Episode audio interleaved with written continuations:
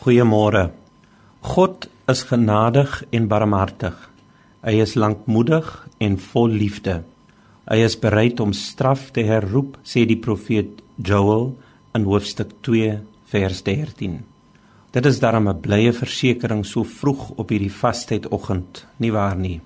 Partykeer het ons wat die blye boodskap verkondig te dikwels 'n toornige God wat al te graag straf of sy mense in die hellevuur werp aan u voorgehou. Hierdie troostende woorde van God se genade, sy barmhartigheid, dat hy lankmoedig is en vol liefde, is egter 'n deurlopende motief in die hele Ou Testament. Gelukkig het dit oor millennia heen groot byval gevind by profeet en psalmmaker, skrywer en skriba van die boeke wat hulle plek in die Ou Testament gekry het. Want vroeg in die Christelike eeue het sommige hul beywer vir die verwerping van die Ou Testamentiese boeke omdat dit kwansies 'n buierige God vol woede uitbeeld. Danksy God het die kerk die doemprofete stewig hieroor vasgevat en kyk waar sit ons vanmôre met die mooie woorde oor hoe liefdevol, lankmoedig, genadig en barmhartig God werklik is.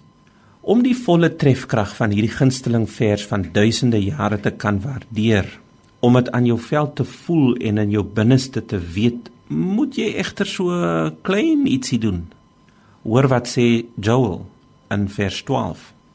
Kom met julle hele hart terug na my toe.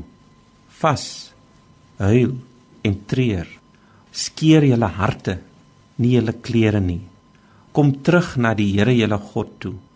Die sonde waarmee ons God se oneindige goedheid beledig en ons liefdevolle verlosser gekruisig het wat ons met ons hele hart behoort te verafskie verdien om gestraf te word. Dit hoort ook so as ons reg in geregtigheid wil laat seëvier.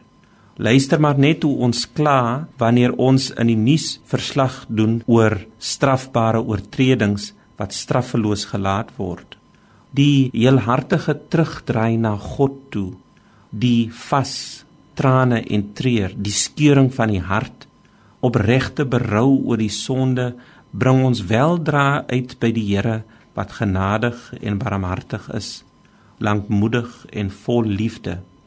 So kan ons die kop knik vir Joel en saam met Jesaja sê onsse God vergewe mateloos.